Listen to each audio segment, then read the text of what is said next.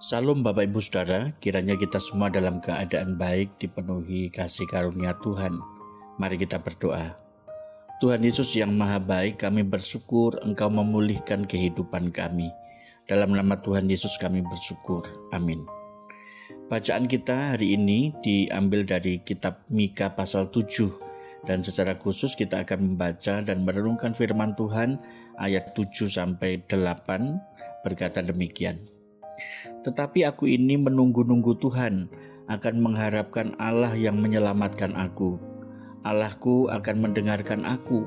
Janganlah bersuka cita atas aku, hai musuhku. Sekalipun aku jatuh, aku akan bangun pula. Sekalipun aku duduk dalam gelap, Tuhan akan menjadi terangku. Menanti-nantikan Tuhan.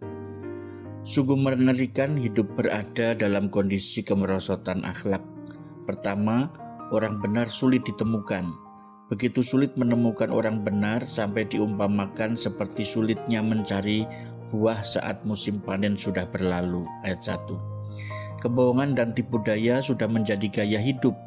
Orang yang memiliki integritas dan hati yang tulus hampir tidak ada.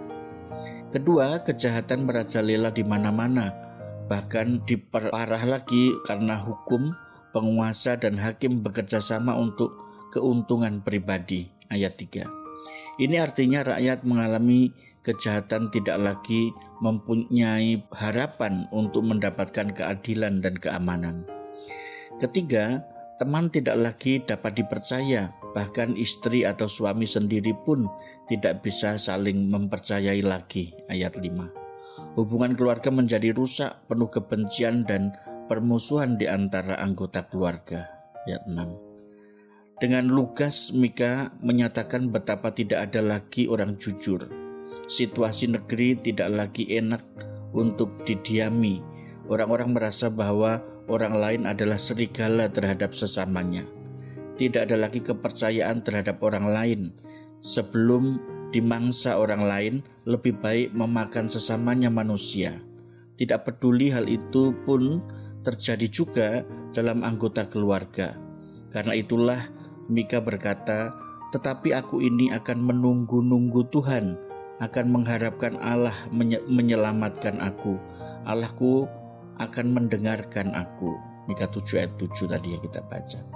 Dalam kondisi masyarakat seperti itu, Mika hanya bisa mengandalkan Allah. Kondisi serupa sebenarnya juga kita alami pada masa sekarang ini jual beli di toko kita e, bisa saja tertipu dengan mudah akibat kita tidak tahu berapa harga pasarnya. Kita tidak lagi merasa aman di tempat umum atau di jalan karena banyaknya reaksi kejahatan. Demikian juga dengan lemahnya penegakan hukum. Tingkat kejahatan KKN saat ini diperkirakan lebih tinggi dibandingkan zaman Orde Lama atau Orde Baru hukum justru dimanfaatkan oleh para penegak hukum untuk menambah penghasilan. Belum lagi kalau kita mendengar berita di media, rupa-rupa kejahatan biadab terjadi di sekitar kita. Dalam kondisi demikian, kita menemukan teladan yang luar biasa di dalam iman Mika. Nabi Mika tidak putus asa atau mengeluh setiap hari. Dia tidak pesimis dan kehilangan pengharapan di dalam hidup Mika justru berseru kepada Allah. Dia percaya, berharap penuh kepada Allah, ayat yang ketujuh tadi. Mari kita juga bertanya kepada diri kita sendiri, apakah di tengah kesulitan hidup kita dapat memuliakan, memulai hari dengan harapan yang teguh kepada Allah yang menyelamatkan kita. Kiranya Tuhan menolong kita untuk berharap kepada Dia. Mari kita berdoa. Tuhan lindungilah kami dari orang jahat dan teguhkanlah kami untuk tetap percaya dan berharap kepada anugerah Tuhan yang akan datang dalam hidup kami. Dalam nama Tuhan Yesus kami memohon. Amin.